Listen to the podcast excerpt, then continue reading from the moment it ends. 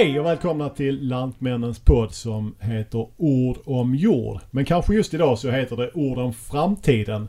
Eh, och det blir ett väldigt spännande men kanske också lite annorlunda avsnitt där vi helt och hållet fokuserar på eh, vad vi tror, trender, eh, utvecklingen inom lantbruket i framtiden.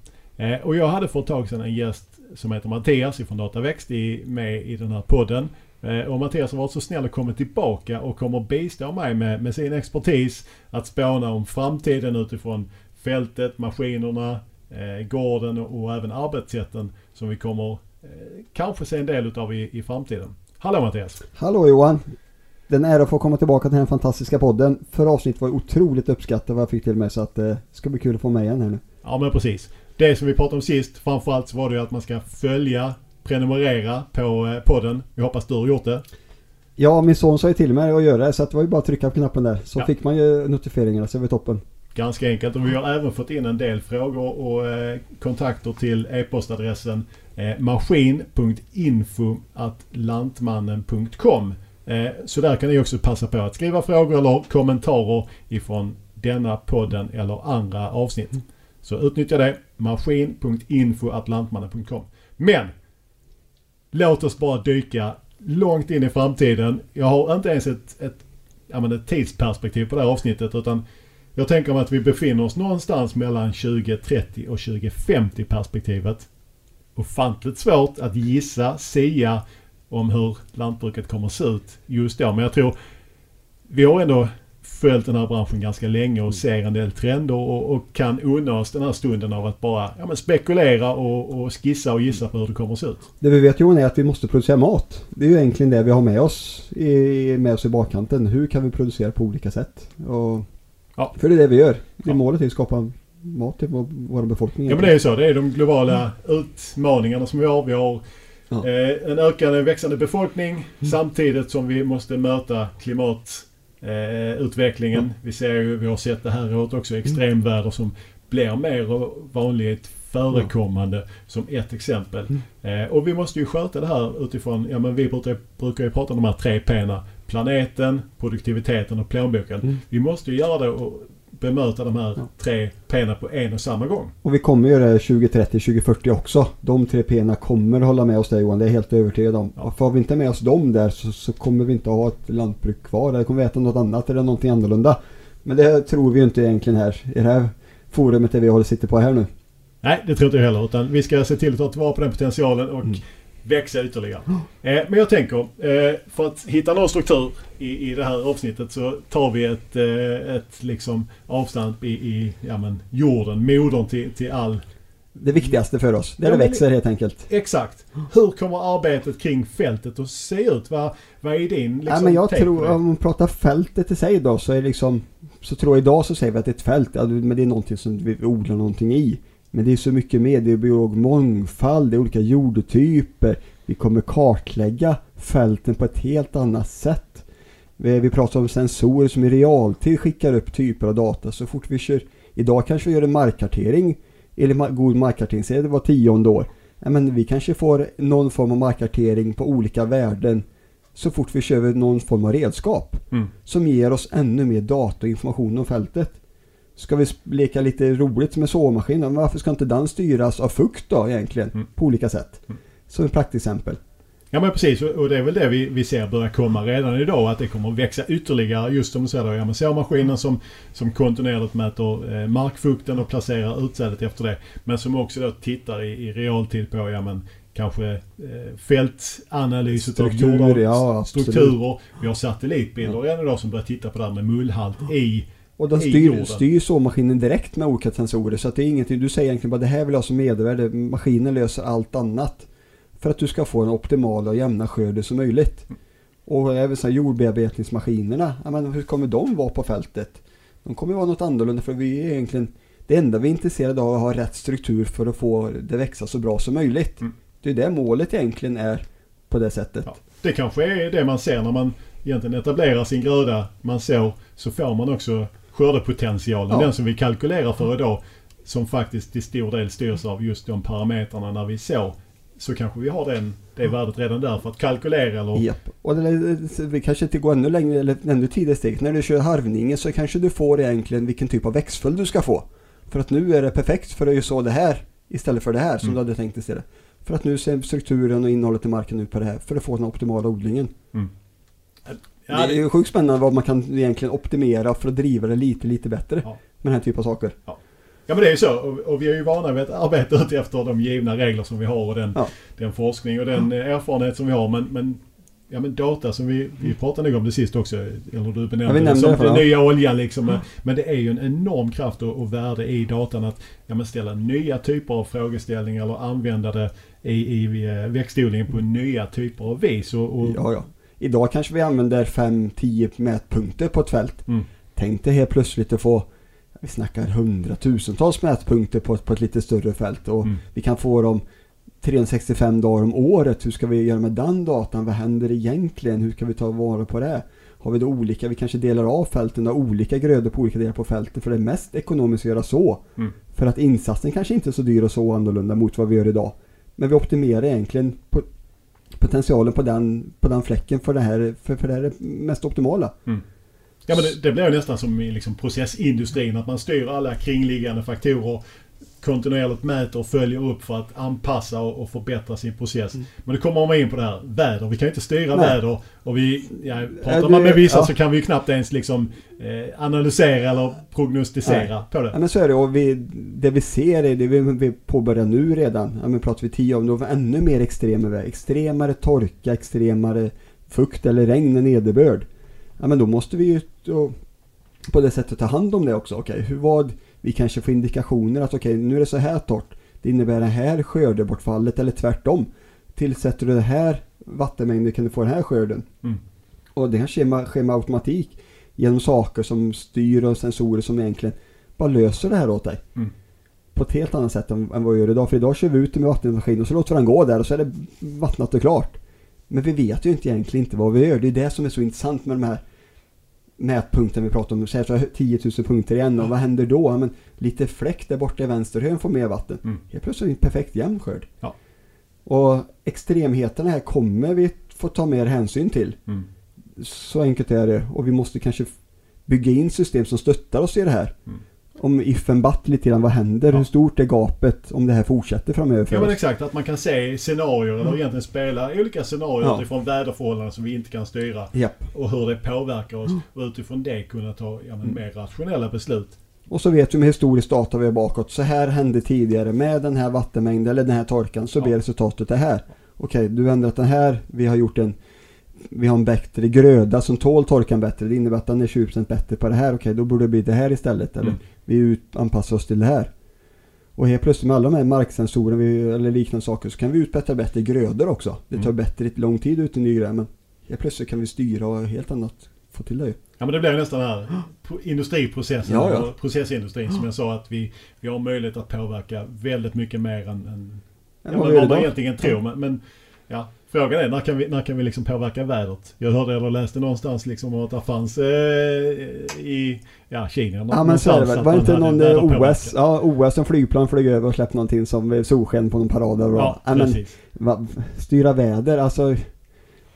Jag vet inte, alltså det är väl. Eh, det är ju kemi det också egentligen med Ja. vattendroppar och moln och hela kittet där. Eh, sen är frågan om man ska styra vädret eller om det blir kontrollerad odling. Mm. Om man nu ska vara sån och gå in liksom, hur styr vi det? Men har vi olika typer av lampor som lyser på ett helt annat sätt än vad vi gör idag?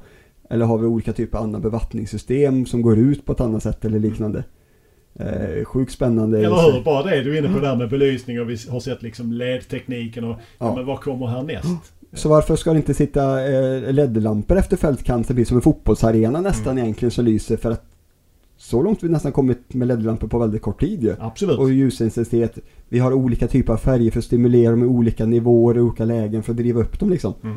Eh, vi gör det ju idag egentligen inom, för, för, för mjölkdjur har ju speciell belysning idag för att de ska mjölka på ett bättre sätt. Jajamän. Varför ska vi inte trigga våra grödor på fält? Mm. För vi gör det inomhusvertikala odlingar idag, i sallader och sånt. Mm. Så varför ska vi inte göra det på betodling eller på vallodlingen till exempel då? Men jag vill ju ha min perfekta vallodling här. Mm. Smack, sitter vid fältet. ja, men det är väl så. Den begränsande faktorn är ju såklart det är ju priset eller kostnaden att genomföra. Idag, ja. För rent tekniskt, vi hade ju haft möjlighet att göra den typen ja. av, av eh, förändringar redan idag. Men där finns ju ingen, ingen ekonomisk stöttning överhuvudtaget. Men tekniken blir billigare. Ja, men de här tre p hänger inte ihop idag egentligen. Nej.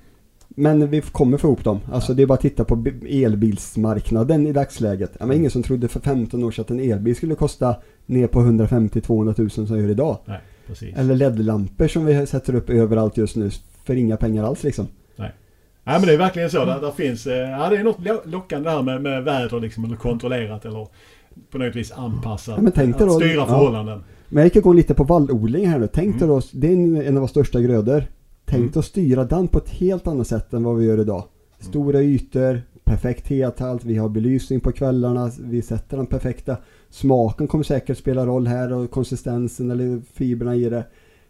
Hur man kan styra och optimera det så att den blir ytterligare lite, lite bättre liksom.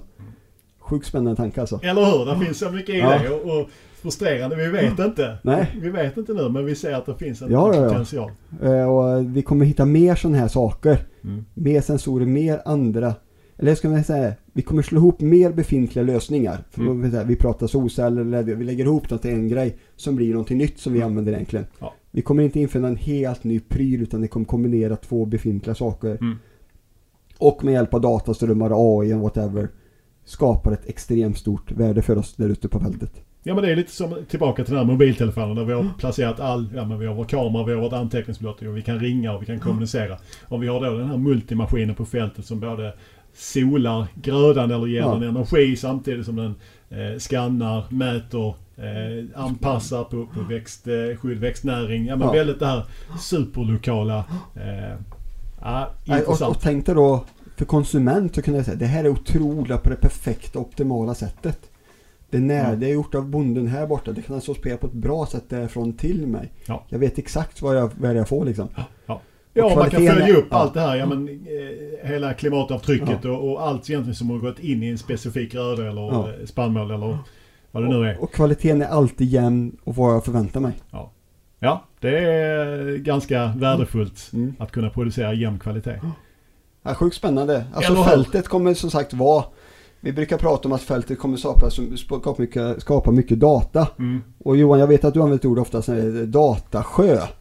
Alltså det kan man, ja. men vi har ett fält, har vi en sjö? Vad, vad, vad, menar du med datasjö för någonting? För att det kan vara lite så svårt. Ja men det är sant. Vi, vi, vi har molnet och vi har datasjön. Mm. Och, och, jag tror att datasjön det handlar ju till största del att vi ser ju till att samla så mycket både strukturerad och ostrukturerad data eller kunskap, mm. sensorinformation i en och samma eh, container. Om det nu är en sjö eller om det är en mm. hink fylld av data. Eh, så kan vi då ställa ja, men, både analyser och specifika frågor utifrån kriterier som, ja men kanske då platsen som mm. är det som knyter samman väldigt mycket av informationen.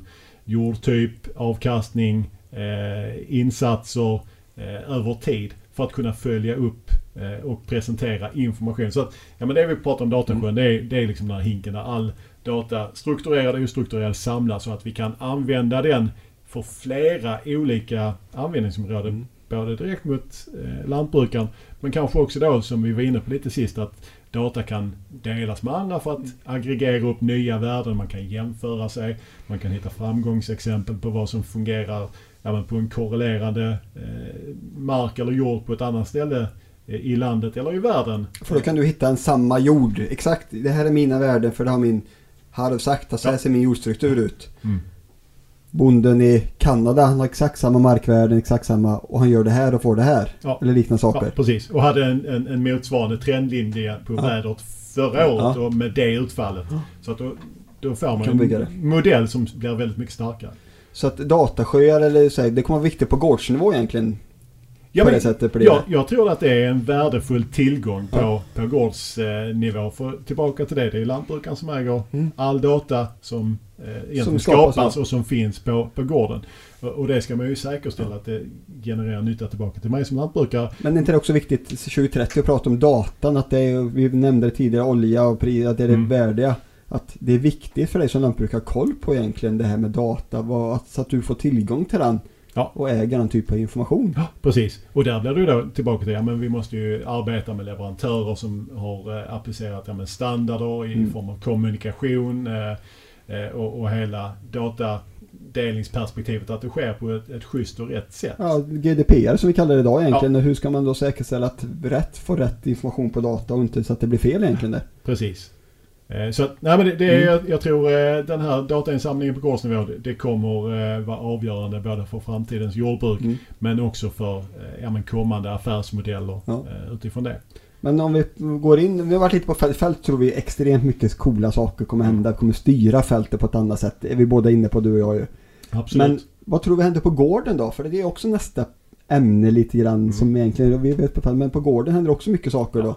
Ja men det, det gör det ju och, och tittar man då där, ja men dels har vi haft den här strukturrationaliseringen. Maskiner har blivit större, starkare, finare hytter. Mm. Eh, och allt det här är ju drivet då såklart utav ja, men kompetens och arbetskraft eller tid. Ja. Att, att ja, men, lantbrukare eh, som ni där ute som behöver, ja, man, man vill ha en trevlig miljö att vistas i samtidigt som man kan ta bra beslut. Men, men i takt med att mer intelligens eller beräkningar egentligen flyttar tillbaka till redskapen så ser vi att vi kan ju använda det här med autonomi, robottekniken på fält.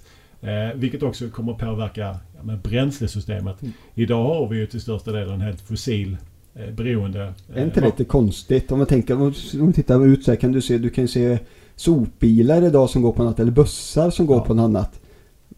Vi kommer ju köra på något annat än fossil grejer på Ja. 2030. Absolut, ja, men, och där har vi ju de förnyelsebara bränslena. Ja. Alltså eh, biogas som Ja. ett alternativ.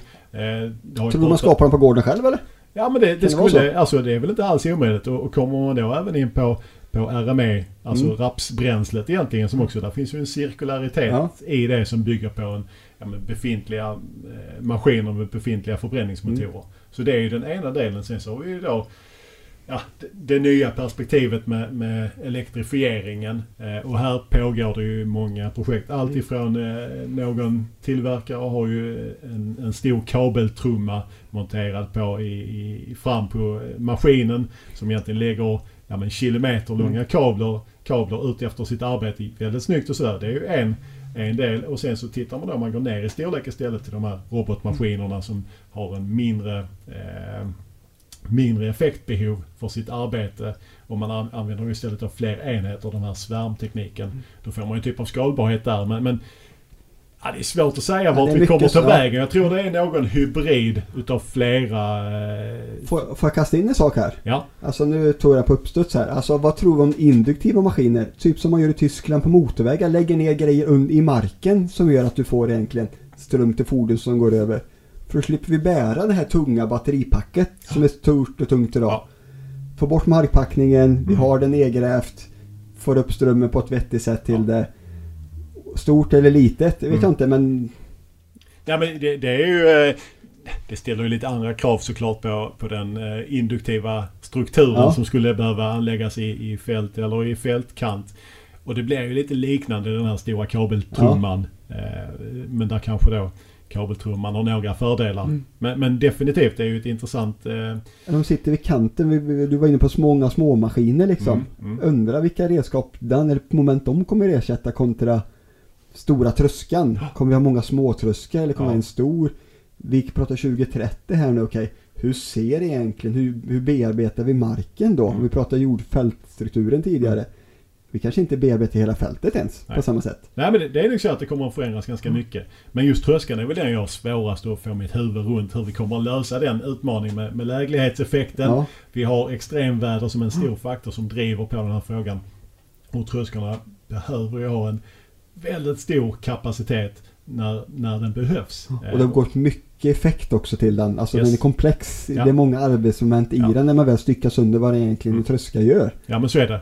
Och det, Eh, det ser man väl också där på de... Eh, där finns ju något eh, exempel i England där man kör den här hands-free hektar och, och samma vi har ju uppe på ja, men testbädden eh, som drivs av RISE på Ultuna har ju också liksom, ja men det är ju insatserna eller fältarbetet som går att automatisera med mindre teknik. Mm. Men, men skörden, alltså skördemaskinen är eh, ingen som har riktigt Nej. löst än och där finns inga konkreta eh, exempel på det. Vart tror du att det kommer först då? Det här med automatisering. Vi pratar 2030 nu. Ja. Tror du att, att alla gårdar, oavsett om du har vall, spannmål, grönsaker, tror du att alla de är mer eller mindre ska inte säga förarlösa, men ett annat arbetssätt i alla fall Mm. mot idag. Ja, men största drivkraften är väl såklart där det finns, där det åtgår högst arbetsinsats. Och då är det ju klart specialodlingar, grönsaker, där man kan automatisera en stor del, eller i alla fall större delar eh, och ersätta den manuella arbetskraften för att automatisera. Och då är det ju alltifrån eh, ja, men mekanisk ogräsbearbetning, där har vi kommit ganska långt Mm. idag. Det kan hanteras med, med fältrobotar eh, med väldigt gott resultat. Eh, spannmål, ja men det ställer ju andra krav på, Mm. på en ökad kapacitet. Eh, alltså hektar per hi- timme egentligen. Eh, och där, ja men det är väl min egen reflektion att där passar den här ja, men svärmtekniken in bättre. Att man kan skala upp eller skala ner ut efter de förutsättningar som, eh, som finns. Mm. Och det väcker också lite frågor om, ja men hur ser... Hur ser Kommer du eh, köpa en sån lastbil tror du med sådana nu, nu ser jag framför mig lite grann den här gräsklipparroboten som klipper parkerna eh, hemma liksom. Mm. Kommer med åtta sådana robotar, ställer ut dem och klipper gräset Ja. och tar in dem är klara. Ja. Men tror du att man köper en sån som är lantbrukare 2030 då? Eller köper jag en tjänst av dig då? Ja. Men det är nog lite ditåt vi, vi börjar eh, se andra möjligheter av tjänstifieringen eller att man abonnerar på eller eh, maskiner av den här typen. För Men det. jag, jag beställer en. Jag, jag vill ha rent og- eh, ta bort ogräs helt enkelt. Ja. Jag vill på något sätt få en bra skörd utan att ha massa ogräs. Mm. Ja men det, det, det tror jag man kan hitta ett tillräckligt intressant eh, erbjudande och det blir det ju lite grann ur maskinstationsperspektivet mot sina kunder med den här skalbarheten av mindre maskiner för att erbjuda ja, Mm. ett, ett rensat fält Ja. eller ett ogräsfritt fält. Eh, eller På man sätt, tittar ja. på optimerad vä- växtnäring utifrån platsspecifika, ännu mer platsspecifikt än det vi har idag med satellitbilder eller en-sensorn. Tror du att vi i Sverige kommer att vara drivande här? För jag tänker sen min erfarenhet är att Holland och de har kommit ganska långt här med maskinstationstänket, har specialmaskiner och hjälps åt på ett annat sätt än Mm. vad vi gör i Sverige. Mm. Ser du att vi kommer komma fortare fram med det här då på det sättet? Ja, intressant fråga, men, men vad vi vet är ju att vi har eh, Ja, men det är ju dyr arbetskraft i, Mm. i Sverige i förhållande till många andra länder där kanske inte eh, taktpinnen går lika fort Nej. som jag bedömer det. Eh, men det är klart att Holland är ju ett exempel som är föregångare på många vis. Inte minst eftersom de har ett hårdare regelverk som också Mm. har drivit på den här frågan. Och mycket ganska- specialgrödor ska vi inte glömma Ja, heller. exakt. Så att, och goda förutsättningar Mm. med, med sina fyrkantiga fält. Det ser man om man har någon gång kommit flygandes in över eh, Nederländerna. Och så stort som Skåne. Ja, precis. Så att, eh, men jag tror absolut vi har en roll i, eh, i den frågan Mm. att driva på och, och ha en ganska hög eh, eller ett tidigt insteg till den här tekniken. Det tror jag definitivt. För jag tror det, om vi pratade innan gården, du var inne på äh, vet du, bearbetning av ogräs där. Alltså det är ju, varför ska vi bearbeta hela fältet för? Nej. Alltså även, även fast det nu går på fossilfritt så Mm, ska vi mm. egentligen bara ta det vi vill har avvikelse eller har behov utav det. Ja, precis. Ja men för annars det kan göra eh, en skada också. Ja. I, istället för liksom massprida eller det här lite big and done Ja. om man ska säga någonting. Att man eh, istället liksom tittar mer med, utifrån den tillgången till information, kunskap som vi har i form av sensorer och maskiner så att vi kan ja, men platsspecifikt applicera våra strategier och vår erfarenhet för att ja, men, nå den här, ja, men, det är svårt att säga maximal potential för den ska ju också då samtidigt vara hållbar. Mm. Alltså de här tre P'na igen. Mm. Så det är kanske då mer optimal men att man når den optimala avkastningen utan att tulla på eh, insatsmedlen Mm. eller att man eh, riskerar planetperspektivet. Men det kanske blir ännu bättre när vi får mer, mer markkarteringar på sig, men mer, mer värden från fältet för att kunna egentligen vad är Idag säger vi att vi får 10 tons skörd som är Mm. en fantastiskt bra skörd. Mm. Men vad är egentligen optimal skörd? Mm. Är det 12 eller 9 Ja. eller vad är det här egentligen? Ja. Förhållande till det hela.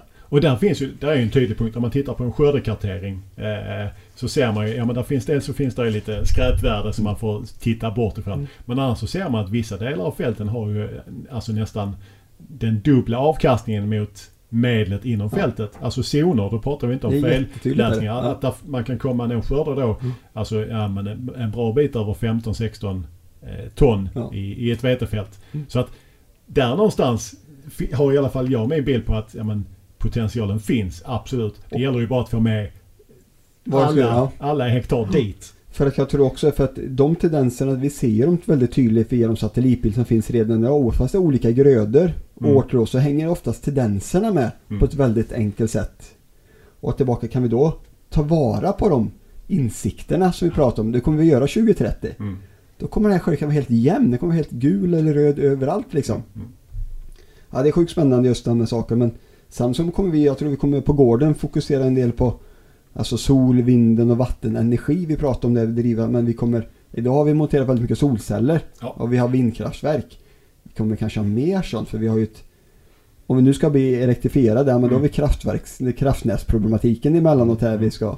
Kommer vi ha batteribanker istället Mm. på gården för vi har hög intensivitet på- på ström viss period. Ja. Ja men det är väl precis det att, att vi, här har vi ju ett väldigt stort effektuttag under ganska korta eh, perioder under året. Mm. Och det handlar om att kunna lagra in energi. Eh, och det, det räcker egentligen med att vi backar bandet, vi går tillbaka 100 år. Mm. När gården var självförsörjande med, med sin, sin djurproduktion, gödsel, eh, vallen. Eh, Ett eget litet kretslopp där. Ja men det egna kretsloppet. Mm. Och, och jag menar här borde det finnas förutsättningar men det är förhållandevis stora arealer både för vindkraft, Mm. eh, solceller eller andra typer av, ja men ta som kvävefixering. Ja. Som också kanske då blir en, en kommande affärsmodell Mm. för många lantbrukare. Eh, så att här tror jag det finns mycket i den här frågan just i, i det egna kretsloppet och vara självförsörjande till allt större grad. Eh, genom ja, men, ny teknik, eh, forskning och såklart innovation. Så tror jag, ja men vi närmar oss det och det känns ju ofantligt, ofantligt kul att få, ändå få leva i denna tidsperioden där vi får uppleva, ja men kanske lika stora Ja, men som den mekaniska revolutionen när traktorn kom till lantbruket eller till många andra indust- Ja, industrier. ja, alltså gå till farfars far. Det var en jättegrej när han fick traktorn liksom. Man Ja. hört mm, stories om liksom. Mm, mm, Jag tror att det kommer vara samma steg egentligen här. Mm. Och jag tror att, eh, spolar fram det igen, så tror jag även att leveranser kommer ske på ett annat sätt. Ja, men idag så bulkar vi och köper in på ett helt annat sätt. Mm. Vi kanske pratar just in time eller vi levererar på ett helt annat sätt ut till oss. Ja, precis. Det, det är ju absolut, det, det skulle också kunna vara en, en möjlighet Mm. liksom att, att applicera den typen Eller av... från gården, vi säger att vi har en skörd, hur ska den levereras? När ska den tas? Om vi pratar att vi skulle styra vallen med vår belysning. Mm, Ja, vi mm. kanske styr spannmålen så att den ska mogna i olika grader på olika sätt. Nu är jag helt Ja. ute på djupt vatten här men du skulle kunna styra produktionen på ett helt annat sätt än vad vi gör idag. Alltså, hade man haft det styrmedlet det hade ju varit effektivt på så många sätt att kunna sprida ut den här intensiva arbetsinsatsen där man lägger eh, ja, men, 20-tal timmar i maskinen per dygn under vissa perioder. Mm. Att kunna sprida den lite längre. Det hade ju klart varit en stor, Ja, ja. stor eh, tillgång för Mm. många och inte minst då i, i, i skörden när väldigt mycket ska eh, ut. Eh, Men, men som sagt, vi har ju det här med väderförhållandet också som eh, eh, vi, Mm. vi måste hålla med oss.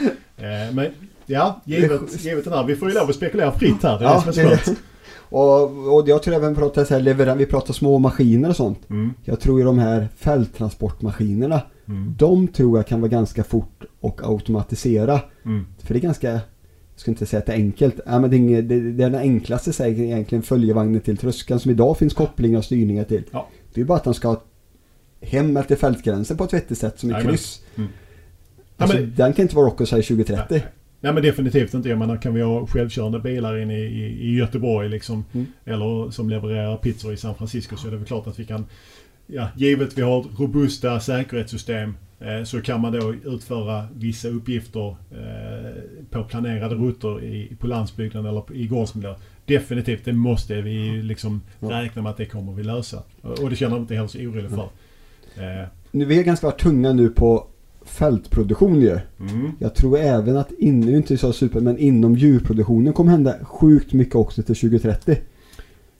ja gud ja, det, det är ju ett, ett helt eget perspektiv på Så jag skickar vis. med dig passningen där att hitta en bra kille och prata framtid på djur. Ja, precis. Inomgårdsproduktion, absolut. Där finns, eh, och där har vi många, ja, men många alternativ som vi arbetar med liksom intensivt inom Lantmännen. Men, men ja, bra, den kommer vi plocka upp. För där Mm. finns, ja det är ett stort, stort ämne. Definitivt. Men om vi går tillbaka till gården så har vi pratat Ja. leveranser. Tror du att man kommer arbeta på samma sätt då? Om vi pratar vi har kanske automatiserade prylar som går Mm. det. Hur påverkar det? Vem är det som jobbar på en gård? Ja. Är det samma kille som idag som är lantbrukare 2030 eller är det någon som gör något helt annat som jobb som är lantbrukare? Eller Mm. vad, vad, vad, vad, om vi siar här, här är Ja. jättesvårt liksom. Ja men det är också, det är samma här. Men, men man kan väl ändå tänka, jag menar. med den alltså tidslinjen och historiken som vi har genom ja, men framförallt strukturrationaliseringen. Eh, att att ja, men 80% färre personer eh, klarar att utföra samma jobb eh, inom lantbruket med dessutom en ökad avkastning som vi har lyckats på de här 100 åren med, med framförallt traktorer och teknik. Eh, så är det väl rimligt att tänka att man också kan lyckas med en högre avkastning, alltså bättre lyckad mm. skörd i slutändan med mindre arbetsinsats. Alltså, och då pratar jag liksom givetvis den, den fysiska arbetsinsatsen yep. i fältet som bygger på att man måste vara där hela tiden, övervaka, eh, scouta liksom. ta beslut. Och, ja men exakt, verka i lantbruk. Så jag tror definitivt att här finns möjligheter att ja, men kanske se nya typer av konstellationer. Att man som, som markägare blir en typ av eh, ja, men riskplanerare. Mm. Man köper in eh, sin ja, men, farming as a service fullt ja. ut kanske. Att ja, men, jag har marken, jag vill ha eh, en viss avkastningsnivå. Vad kan du som leverantör erbjuda? Eh, och, och eh, i slutändan så, så, är man den som har det ja, men, yttersta ansvaret som ägare och, och tar liksom kanske de mest kritiska mm. besluten. Men att, att resten av ja, men, leverantören tar en, en större ett större ansvar och en helhet. Det tror jag definitivt. Och jag tror att de kan vara med och påverka på ett annat sätt också. Tack vare all information som finns där så vet de exakt vad de kan göra på ett mer specifikt och bättre sätt. Mm.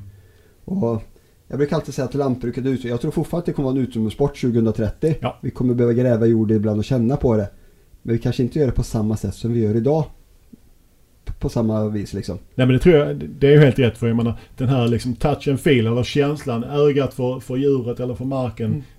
Det kommer ju fortfarande, där är vi nog, ja men det är väl kanske att sticka ut hakan och säga att vi är oersättliga mm. som mänskliga individer men, men så är det nog ändå, mm. ändå att vi det är väldigt långt kvar innan de här mest rationella besluten kommer kunna fattas eh, utifrån några maskiner mm. eller system. Utan människan kommer alltid behövas och den kommer att behövas mm. ute eller nära djuren som vi var inne på. Eh, men att, att de besluten blir mer understödda av data. De blir enklare att ta för att man kan se det i ett helhetsperspektiv. Eh, ja men det känns mm. ganska självklart och där är vi ju redan till viss del liksom idag om man bara tittar på hur utvecklingen har varit de senaste tio åren. Men så är det utan mm. Men vi pratar nationalisering. Vi har gått från en trend till att bli större och större lantbruk. Mm. Jag ser en möjlighet här att det blir mindre lantbruk än. Mm. För helt plötsligt så kan jag ju få det kanske som en verksamhet sidan om ett vanligt jobb. Ja. Och sköta om min... Ja, men för jag har, jag har någonting som sköter mina fält på dagen. Mm. När jag är på mitt vanliga jobb. Mm. Och får det närproducerat och har en, jag ska säga, rekoringar eller liknande saker. Ja. På den här typen av saker.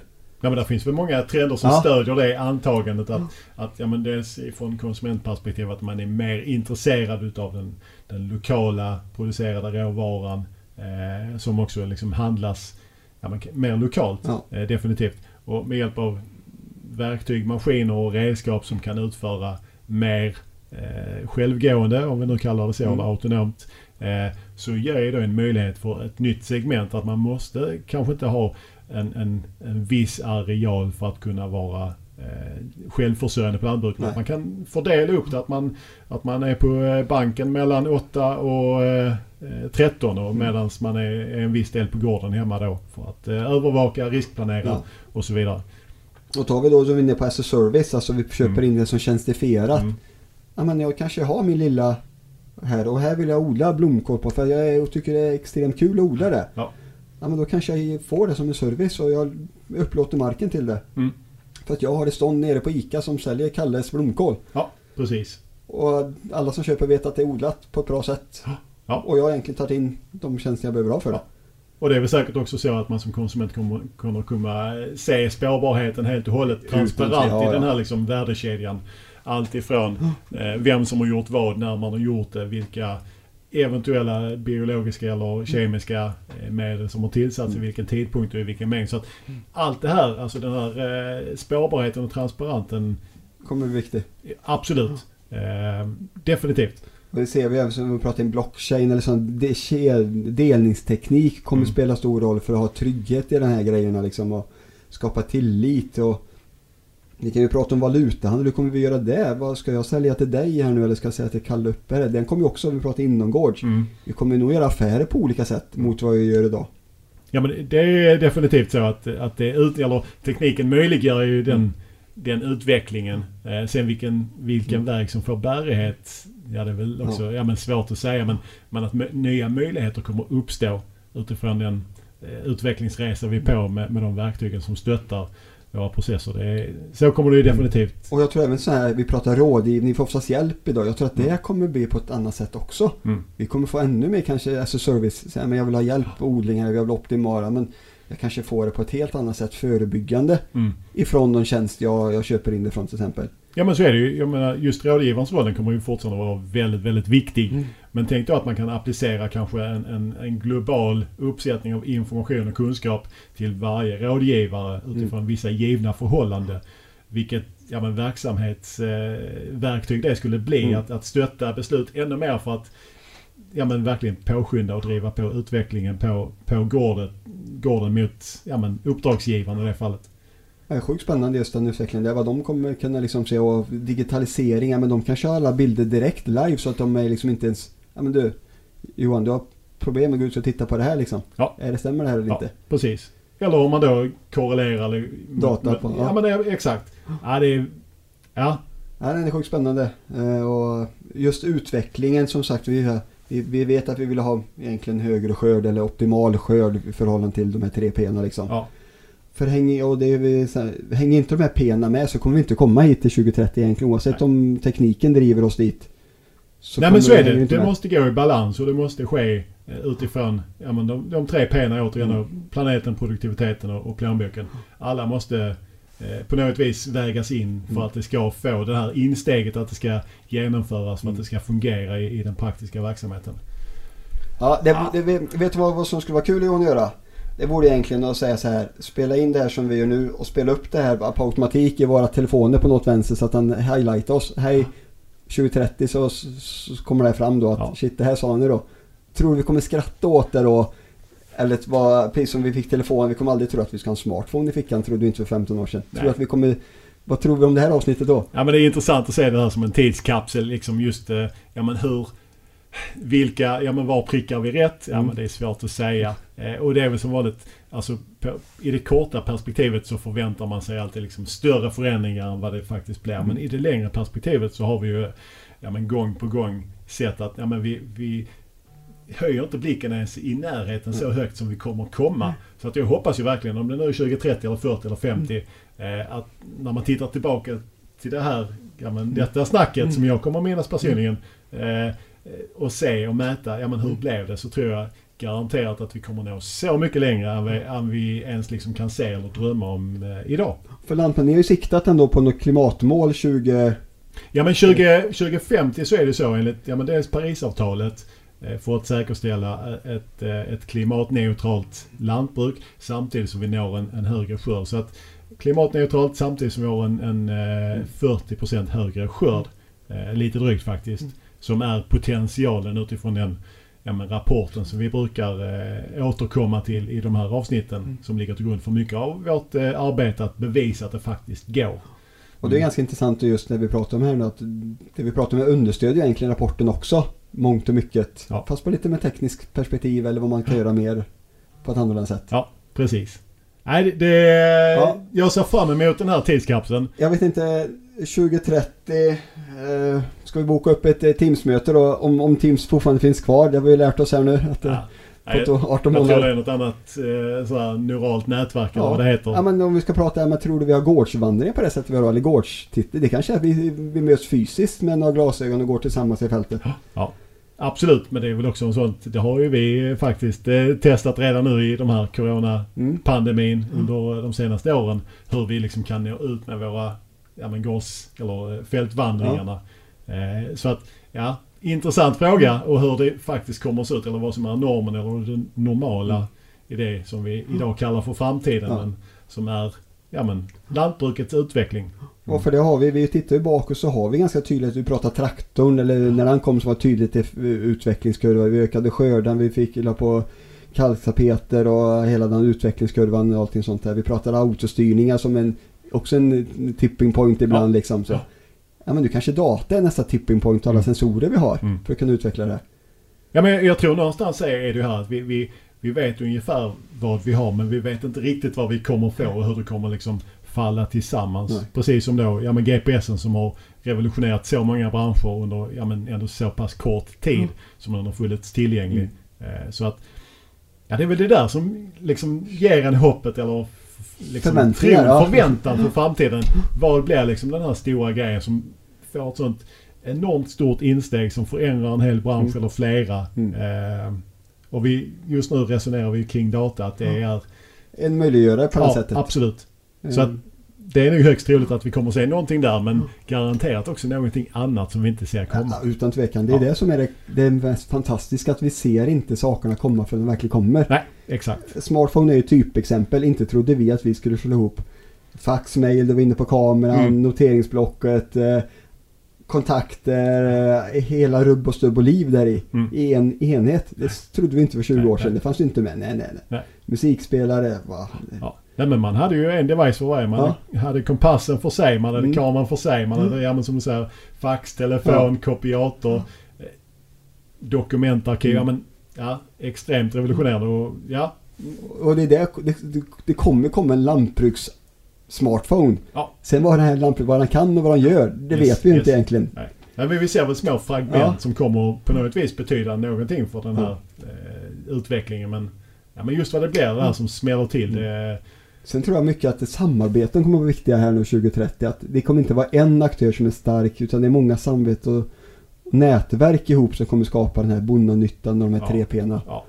Ja, men det, och det, det tror jag det, det är nästan det vi kommer att avsluta på. Samarbete är det som kommer att bli avgörande i, i denna branschen men Mm. också i många andra. Att hitta de här, våga ta steget, samarbeta, hitta nya vägar med andra partner för att lösa ja, men de globala utmaningarna. Mm. Tillbaka till dem. Både vi, vi, vi har en växande befolkning och vi har ett, ett klimat som är Mm.